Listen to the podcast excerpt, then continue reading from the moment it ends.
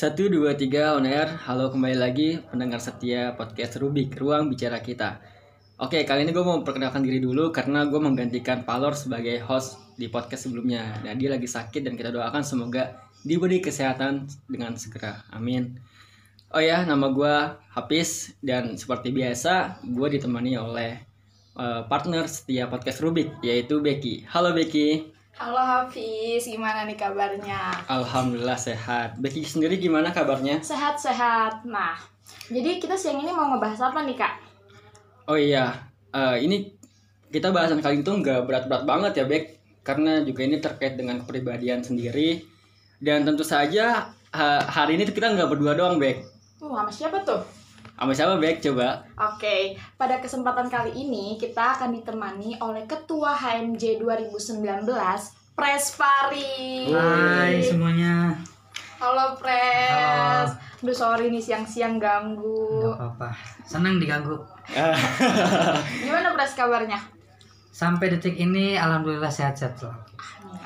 Kuliah aman Pres? Kuliah aman insya Allah mah. Masih daring ya? Masih daring. Oke. pastinya. Gimana kabar kalian berdua? Si Becky sama Hafiz? Alhamdulillah baik Pres. Sehat, sehat, sehat sehat. selalu ya. Amin, amin.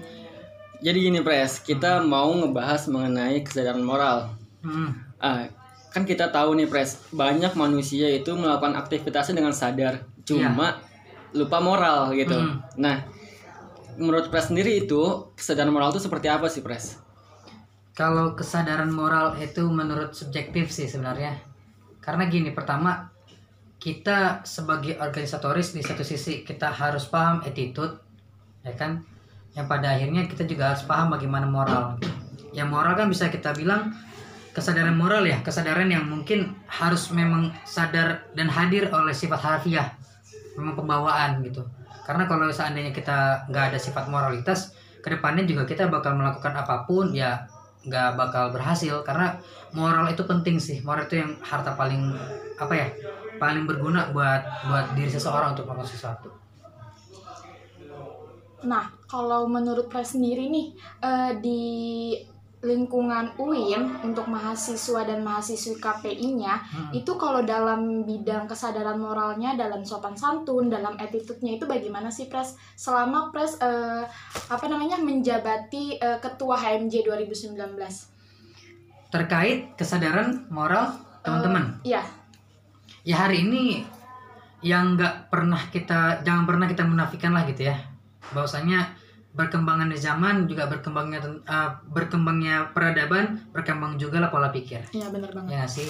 Nah pada akhirnya banyak orang-orang yang jangankan orang-orang gitu kita berbicara anak KPI lah gitu yang hari ini moralnya mulai terpuruk.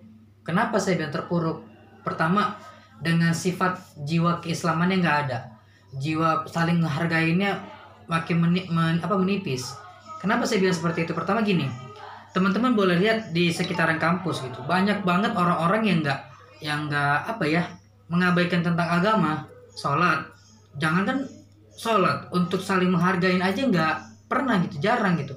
Nah itu yang membuat saya sedikit kecewa dengan ha- hari ini dengan karakter ataupun moralitas saya pada teman-teman KPI karena pertama dipengaruhi oleh budaya barat yang kedua memang dipengaruhi oleh lingkungan sekitar yang pada akhirnya menimbulkan sebuah apa ya karakter yang dibentuk oleh lingkungan-lingkungan itu yang pada akhirnya tidak pernah apa ya kita sebutlah namanya keterpurukan moralitas gitu jadi ya hari ini anak-anak KPI moralitasnya ya mulai terkikis lah daripada yang seharusnya dengan perkembangan-perkembangan zaman Oh gitu Pres. Nah, gini Pres. Pres ini kan pernah jadi ketua HMJ 2019. iya. Pasti eh, menjabat sebagai jabatan itu tentu pernah merasakan apa yang namanya teman-teman itu kan kesadaran moral kata pres tadi menurun. Iya. Pernah nggak sih pres sendiri gitu diperlakukan seperti yang saya maksud gitu? Maksudnya yang habis maksud itu eh, nggak disopanin gitu sama teman-teman semua atau gimana pres Em, terkait itu saya eh, nggak bisa ngejawab ya saya dihormatin atau enggak gitu. Tapi saya saya merasakan saya masih dihargain oleh teman-teman. Entah itu di angkatan 2016, 17, 18 sampai sampai 20 Kenapa? Karena pertama mungkin apa yang saya instruksikan lah ya bahasanya gitu melalui HMJ mereka mau mengikuti mau berpartisipasi mau mau menerima saran. Yang pada akhirnya mereka nggak ada nggak ada untuk saling melangkahin tapi untuk saling memberitahu nggak masalah. Nah em, saya nggak pernah mendapat sebuah diskriminasi antar apa ya saling menghormati atau apa nggak. Karena sampai detik ini nggak ada orang-orang ataupun anak-anak KP yang kelewat batas lah gitu. Karena di satu sisi karena jabatan juga tapi itu sih yang saya sesalin. Kenapa? Dengan jabatan orang-orang mau menghormati karena kan kita sama rata ya. Iya, iya, kita masih betul. mahasiswa masih belajar. Kenapa harus ada sifat saling menghormati? Malah seharusnya saling menghargain. Nah hari ini malah banyak orang yang ter, yang stigmanya adalah orang itu bakal menghargai dia karena punya jabatan. Tapi nggak menghargai dia kalau memang apa ya tapi dia nggak pernah menghargai kalau dia sama sama nih stratanya Oke. gitu. Jadi itu sih yang saya sesali. Tapi sampai detik ini saya sangat bersyukur bahwasanya nggak ada orang yang kelewatan batas untuk kepada terhadap saya gitu. Iya benar juga sih pres. Hmm. kayak apa namanya eh, kita tuh ngehargain orang karena orang itu punya jabatan Iya, gitu. Jadi nggak pernah kita ngehargain orang karena kita tuh sama loh gitu. Iya. benar kata pres. Nah kalau eh, dari penjabaran pres tadi berarti butuh banget dong yang namanya revolusi eh, moral di zaman sekarang ini. Revolusi moral itu sangat perlu. Apa pun itu harus kita revolusi attitude lah moral lah eh, pemikiran dan sebagai gerakan pun eh, sekalipun itu harus kita revolusi. Karena di sini eh, menurut apa ya di buku keterpurukan moralitas umat Islam karya Abdullah bin Hamid eh, Asyabanah dia bilang bahwasanya ketika Al Amir Syakib eh, berbicara tentang faktor-faktor yang menjerumus kepada kemerosotan moralitas umat Islam itu karena pertama yang dan yang paling utama adalah kepercayaan diri mereka itu yang yang membuat buruk eh, apa namanya moralitas. Dengan kita insecure dengan kita nggak pede dalam melakukan sesuatu pada akhirnya kita nggak punya moral untuk melakukan itu. Ibaratkan ibaratkan kata kalau kita ingin berbuat baik tapi kita nggak percaya kalau itu baik dan masih ada perspektif orang yang salah maksudnya menilai, menilai itu salah ya kita nggak bakal ngelakuin hal baik. Contoh kayak udahlah jangan buang sampah sembarangan. Misalnya gitu eh tolonglah Becky jangan buang sampah sembarangan. Ini kan tempat buat pembelajaran ruang kelas misalnya gitu cuman apa sih Hafiz bilang ya iyalah bang. Sampah doang iya misalnya. sampah doang sih gitu kan. Ya, ini cuma satu. Nah, akhirnya dengan stigma ataupun dogma seperti itu dia nggak mau berbuat berbuat baik. Akhirnya apa? Kepercayaan diri dia mulai menurun. Nah itulah yang bakal mengakibatkan moralitas. Revolusi revolusi moral itu harus. Kenapa? Karena hari ini udah banyak banget faktor-faktor yang memperlihatkan bahwasanya moralitas memang uh, setiap moralitas setiap jiwa manusia itu moralnya memang menurun Oke, ya baik bang. Nah, gini pres, apa kalau misalnya tadi kan sebelumnya nih kayak Hmm. mundur sedikit ya lah ya. Ya. Kalau flashback dulu ya Iya penasaran nih karena kita juga butuh cerita dari Bang Pres nih.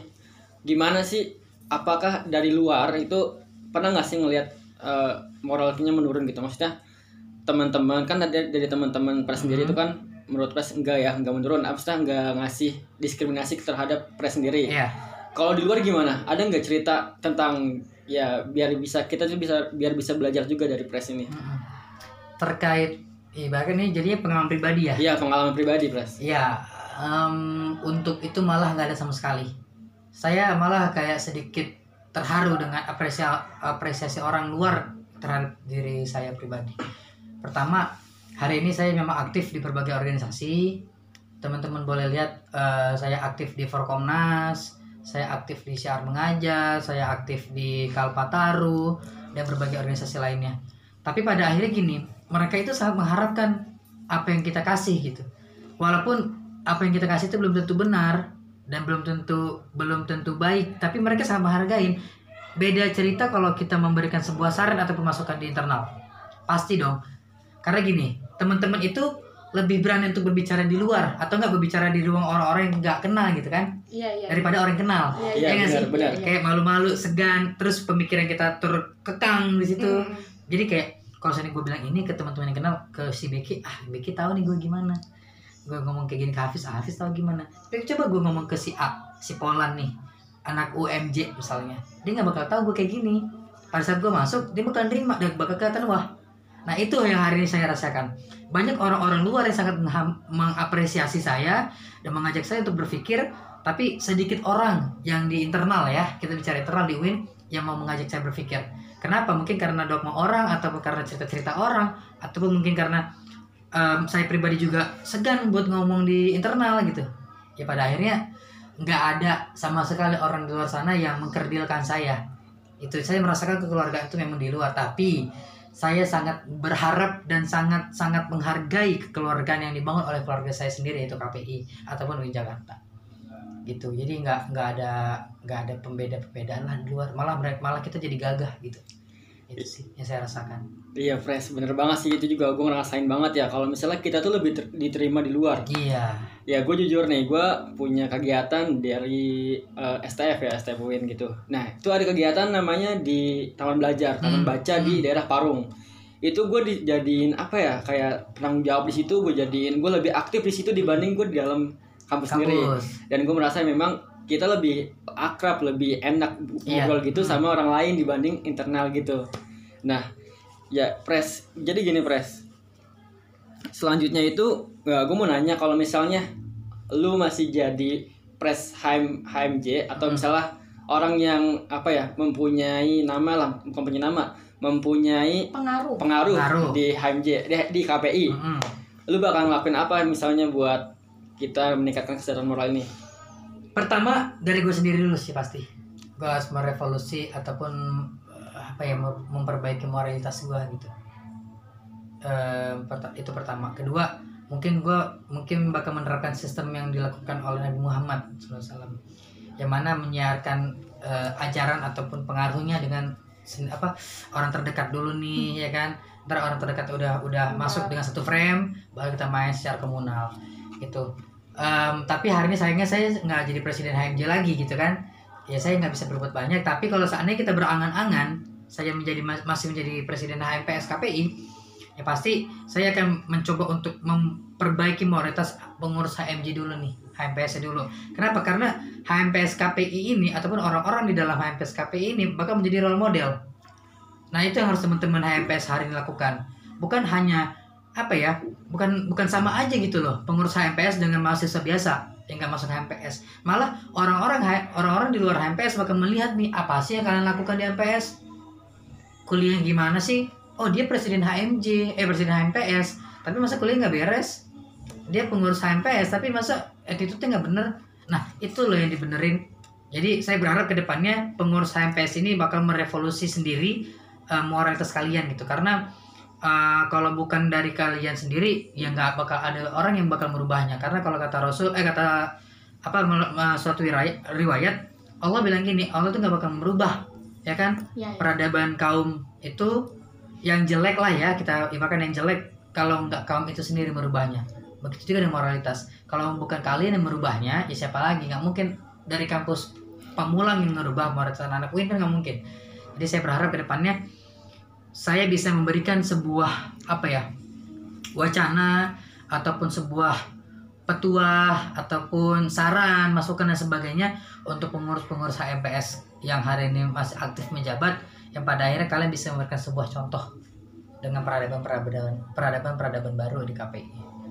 Nah, berarti kan bisa ditarik kesimpulan ya, Pres, bahwa e, ngerubah moral itu balik lagi ke diri kita sendiri. Iya, Kalau kayak gitu, e, dari Pres sendiri punya nggak sih tolak ukur e, terhadap diri Pres itu untuk ngerubah e, moral Pres itu jadi lebih baik lagi? tolak ukur maksudnya gimana nih? Jadi gini, e, kan kita ngerubah moral itu kan balik lagi ke diri kita sendiri. Mm-mm. Nah, kalau dari pandangan Pres sendiri, e, Pres itu udah berhasil ngerubah moral itu kalau Pres udah ngapain aja gitu. yang dinyatakan moral yang baik atau benar gitu.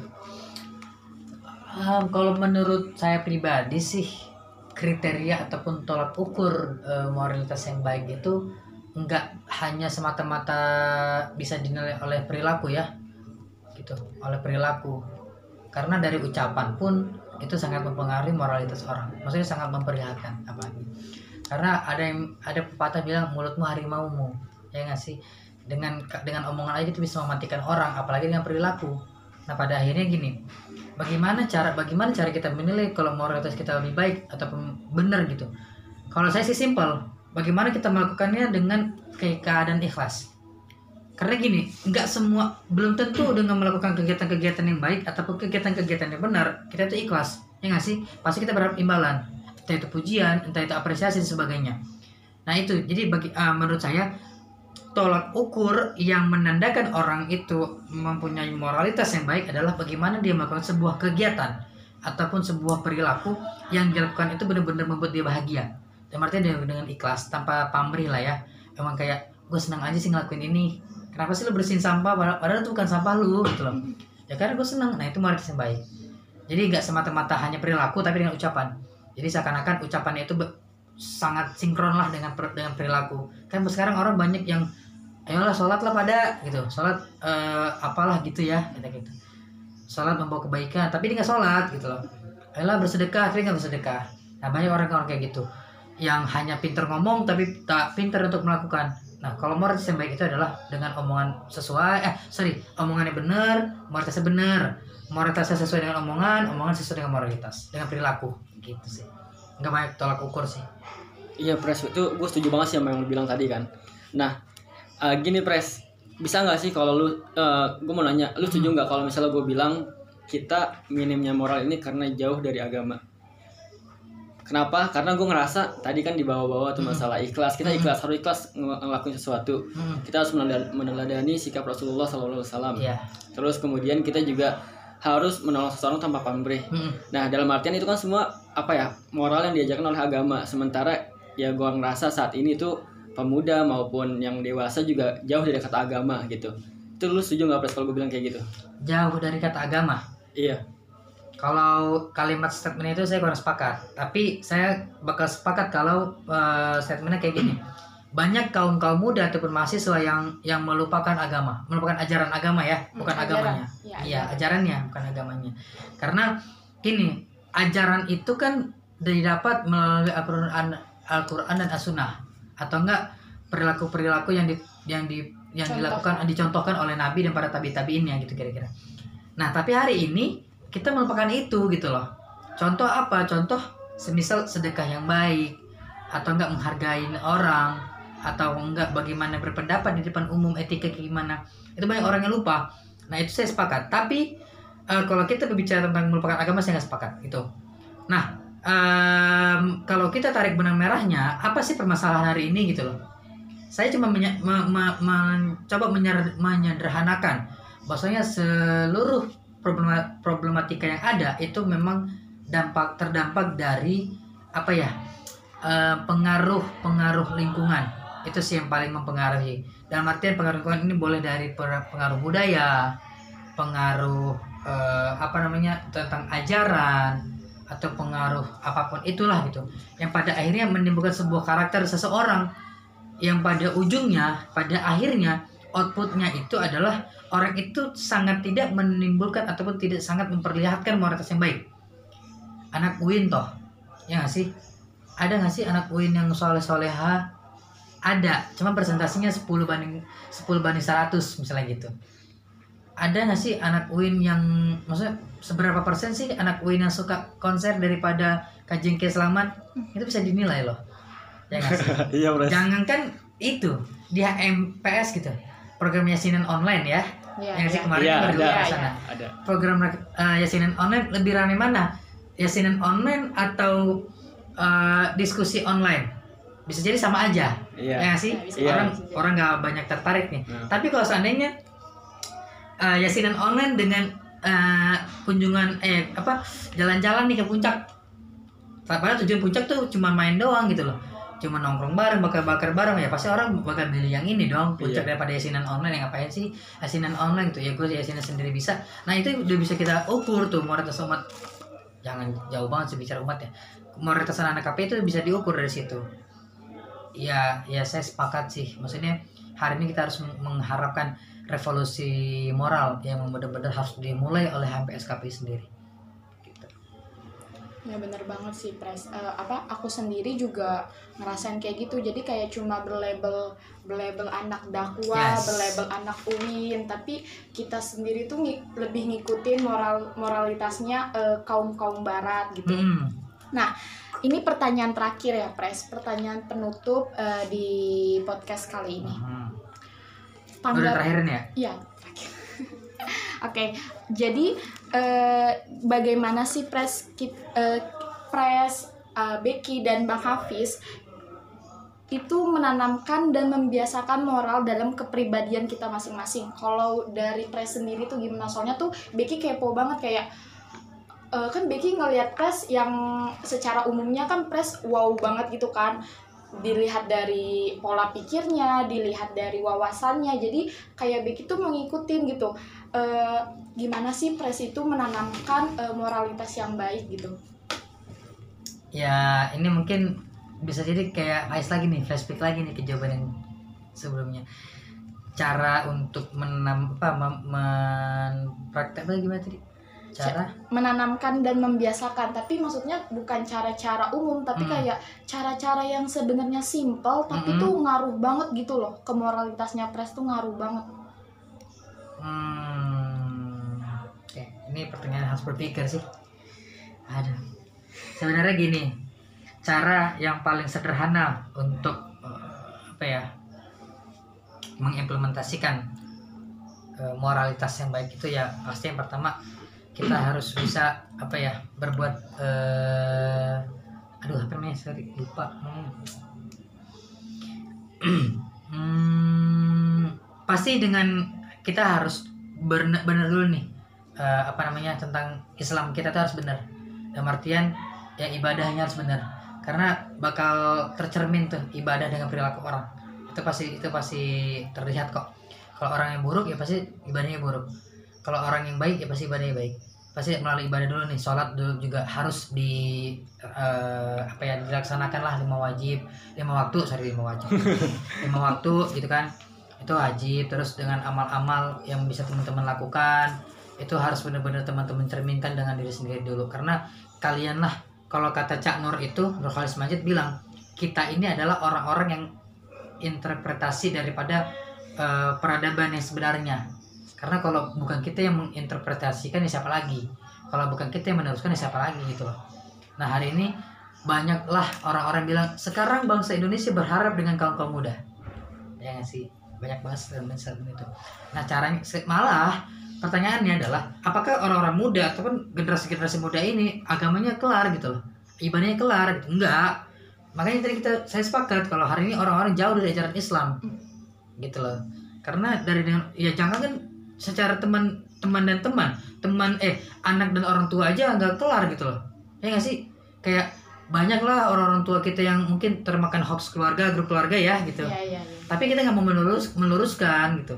Malah kita segan. Kenapa? Karena mungkin ya pres gimana ya? Orang tua gua lagi. Ah ya benar Iya benar. kan? Cuman ya ya gimana? Hadirnya kita di grup keluarga itu ya harus bermanfaat gitu loh. Itu yang pertama harus ibadah sekelar dulu melalui ibadah. Yang kedua harus paham bagaimana karakteristik orang. Karena kita nggak boleh mengajarkan orang di depan umum.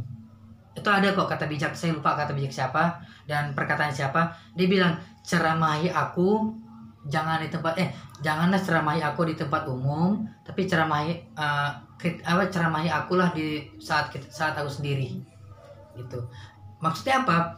Ya kita harus paham dulu nih karakter orang nggak nggak semua orang bisa kita perlakukan yang sama gitu loh.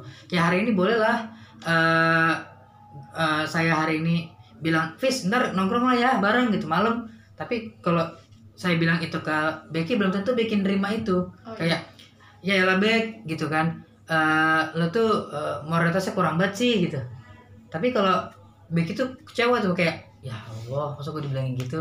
Tapi kalau Hafiz udah bisa nerima itu nah itu karakter kita harus paham dulu dengan dengan karakter karakter orang yang mungkin eh, kalau kita belajar komunikasi ada komunikator dan komunikan. Iya iya. Eh, iya. ya nggak sih? Nah bagaimana komunikator ini bisa mencam, bisa menyampaikan pesan. pesan yang disampaikan? Entah itu melalui gerakan gini ah, apa? Gerakan gestur. ah, melalui ucapan yang mana pada akhirnya outputnya adalah si komunika komunikan ini paham apa yang disampaikan oleh komunikator. Seperti itu. Mungkin dua cara simpel sih yang bisa saya sampaikan gitu. Karena pun hari ini mora- moralitas saya juga belum kelar dan belum beres. Yang pada akhirnya ya saya bukannya untuk menyerah dan mencoba untuk bodoh amat lah dengan moralitas saya ya tapi saya berharap dengan apa yang saya sampaikan tadi dari awal sampai detik ini saya bisa memberikan sebuah cara untuk teman-teman menghasilkan peradaban baru dengan moralitas moralitas yang patut untuk di apa namanya diperlihatkan ataupun diimplementasikan. Ya, Pes, bener banget itu gue sepakat sama yang lu bilang kalau kita tuh memang butuh lebih dekat dengan agama, terus Ya. kita juga lebih memahami dari lawan bicara kita gitu kan. Hmm. Kemudian kalau gue boleh ya kayak gitu. Ya, kalau gue boleh tambahin juga kita eh, perlu banyak-banyak baca tentang apa sih itu moral, apa itu sih dan kita perlu juga mengimplementasikannya dalam kehidupan eh, sosial gitu ya. Iya. Nah, mungkin sebelum kita tutup nih eh, dari Becky sendiri ada quotes. Oke, kita mau bacain quotes penutup dulu ya. Hmm. Oke, jadi para pendengar setia Rubik, eh, kesederhanaan adalah dasar segala moral dan kebajikan utama manusia. Tanpa adanya kesederhanaan, manusia tidak akan manusia tidak ada bedanya dengan binatang. Iya, benar.